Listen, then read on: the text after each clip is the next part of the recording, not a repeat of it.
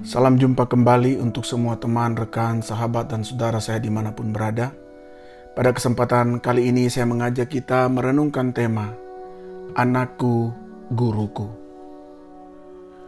Botol Cleo berisi 6000 ml air sudah cukup membasahi seluruh tubuh Fandi. Dengan penuh girang sambil bermain air yang sedang saya tuangkan ke atas kepalanya. Sesekali Fandi menengok teman kelasnya yang bernama Jetro yang sudah parkir mobilnya berdekatan dengan mobil kami. Jetro sendiri sudah rapi dengan seragam yang dikenakannya. Sesekali Jetro memanggil, Fandi, Fandi. Panggilannya itu membuat Fandi merasa malu dan berusaha bersembunyi dengan merangkul kedua kaki saya.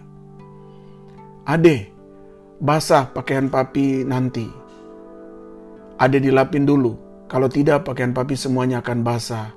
Demikianlah saya berujar. Maaf Pi. Dengan merasa bersalah, Fandi mengucapkan permintaan maafnya.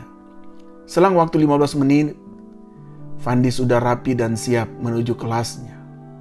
Ade, ini ada buah matoa yang kemarin kita beli di Carrefour. Ade makan buah matoa ya? Cukup lima buah saja. Kataku. Enak sekali papi buah matoa ini. Kata Fandi. Buah matoa adalah satu-satunya buah yang berasal dari daerah kita, Papua, sahutku.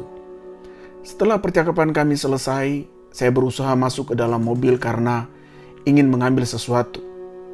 Tanpa saya duga, anak saya Fandi berkata, Papi, Ade mau didoain sama papi sebelum Ade masuk ke sekolah. Mendengar permintaannya tersebut tanpa pikir panjang, saya langsung memeluknya, menciumnya, dan mendoakannya.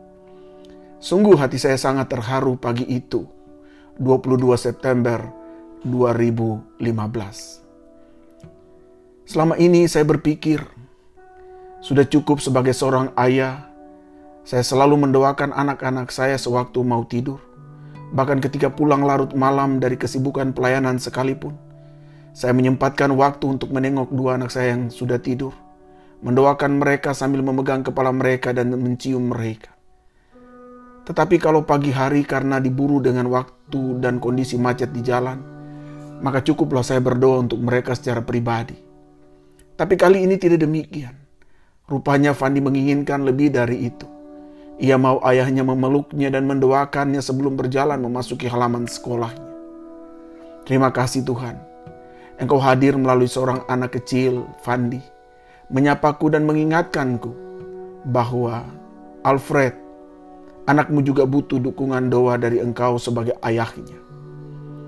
Tuhan bersabda, dan umatku yang atasnya namaku disebut merendahkan diri, berdoa dan mencari wajahku. 2 Tawarik 7 ayat 14a. Terima kasih Tuhan dan terima kasih nak. Tuhan telah memakaimu untuk memperbaiki konsep berpikir papa yang salah selama ini. Engkau yang polos, tulus dan asli telah menjadi guru bagi ayahmu. Engkau telah menunjukkan sikapmu yang mau mencari wajah Tuhan. Mari Bapak Ibu, Saudara-saudara sekalian, carilah wajah Tuhan. Temuilah Tuhan dalam doa-doamu. Tuhan menantimu. Tuhan ingin mendengarkan suaramu. Karenanya ia berkata, satu Tesalonika 5 ayat 17 katanya, tetaplah berdoa. Kiranya Tuhan dimuliakan. Amin.